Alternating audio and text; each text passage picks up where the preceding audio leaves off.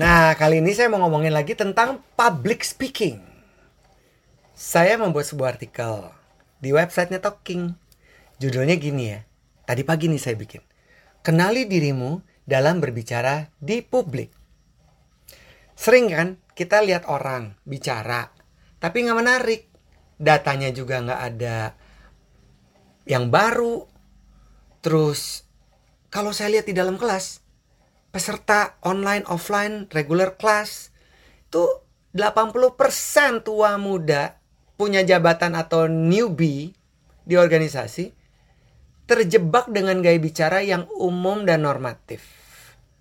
Mulai dari penampilan, rambut lecek, muka lecek, baju lecek, bahasa tubuhnya tertutup, wajahnya takut bicara, matanya ke mana-mana. Belum lagi susunan kata-katanya nggak berurutan. Waduh, nggak menarik. Udah normatif nggak menarik pula. Jadi kita yang denger juga, aduh males lah ya. Belum lagi penggunaan kata-kata yang nggak perlu diucapkan. Saya mungkin ingin bercerita tentang pengalaman saya. Waktu itu, saya mungkin ingin cerita. Padahal dia mau cerita. Perlu nggak kata mungkin? saya hitung tuh banyak banget ya mungkinnya. Kalau nggak, hmm, atau kalau lagi kebingungan, apa namanya? Apa namanya? Waduh, kalau lagi speaking in front of the public, kita ngomong apa namanya, apa namanya, nilai udah drop say. Ini banyak banget ya, yang nggak tepat diucapkan. Jadi pemaparan saya barusan adalah deretan pekerjaan rumah yang harus dibenahi sebelum seseorang siap bicara. Harus dibuat. Dan saya punya satu langkah terbaik untuk Anda bisa menarik ketika berbicara. Langkahnya yaitu tanyakan ke dalam diri Anda. Gue tuh siapa sih? Apa sih kekuatan gue? Apa sih yang pengen gue tampilin yang bikin gue nyaman? Gue pengen dikenal sebagai orang kayak gimana sih? Nah jadi kenali dirimu dulu. Yakinkan dirimu dulu. Coba bikin personifikasi. Saya jadi inget ya. Waktu itu saya didaulat untuk jadi konsultan sebuah radio. Radio ini keren banget tadinya. Berganti pemilik. Pemiliknya ngerubah jati diri radio ini akhirnya menjadi radio yang bergeser target marketnya. Jadi udah kacau. Terus saya diminta untuk jadi konsultan. Hampir satu tahun. Saya bilang, ini mau diapain? Mau balik kayak dulu? Oke. Kalau gitu, saya tanya ke semua penyiarnya. Siapa pendengar lo? Yang dengerin radio lo tuh siapa? Kira-kira siapa? Saya tajemin target marketnya. Dan kami membuat personifikasi.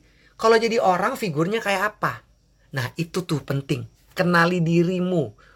Uraikan dalam sebuah kertas konsep dirimu.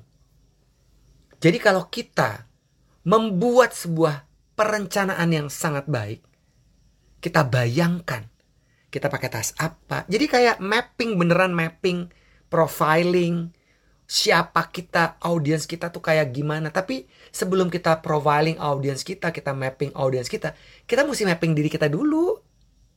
Eh, gue kayak marah-marah ya. enggak, enggak, enggak. Terlalu bersemangat. Jadi kita mapping diri kita dulu.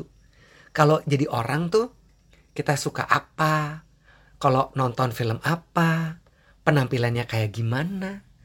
Cara ngomongnya gimana? Jalannya kayak gimana? Nah kita cari dalam kekuatan diri kita itu yang kita buat.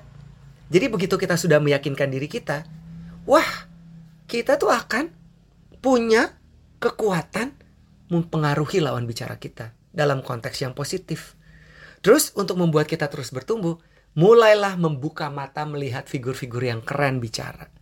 Tapi apa yang keren, kenapa keren, di bagian mana yang keren, itu bisa jadi referensi kita. Jadi kita justru nanti akan membuat strategi-strategi yang akan membuat kita menemukan diri kita yang baru, yang akan membuat kita menjadi menarik. Anda akan bersemangat tiap hari melihat perubahan diri itu. dan mulai memperhatikan orang-orang yang Anda ajak bicara. Gimana sikap mereka kepada Anda ketika Anda berbicara. Dan menjadi pribadi yang baru itu mutlak untuk berbicara menjadi menarik. Artinya semua komponen yang tadi saya sebutin tuh yang kebanyakan orang lakukan udah nggak Anda lakukan lagi. Jadi komunikasi itu banyak banget taktiknya. Winners. Semakin Anda mempelajarinya seperti yang saya lakukan nih, semakin saya tenggelam dalam keingintahuan yang besar. Kayak saya berenang dalam lautan pengetahuan yang penuh rencana, penuh strategi karena short attention spending, noise-nya makin banyak. Jadi kita akan mencari cara-cara terbaru. Tapi syaratnya buatlah diri kita menjadi orang yang baru dulu untuk terus berproses setiap hari menjadi baru. Oh, sometimes I get a good feeling, yeah.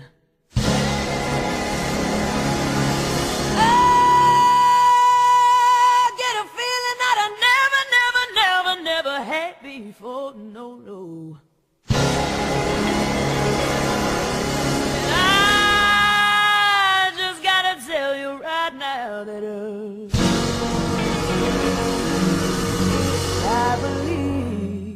I really do believe that something's gotta hold on.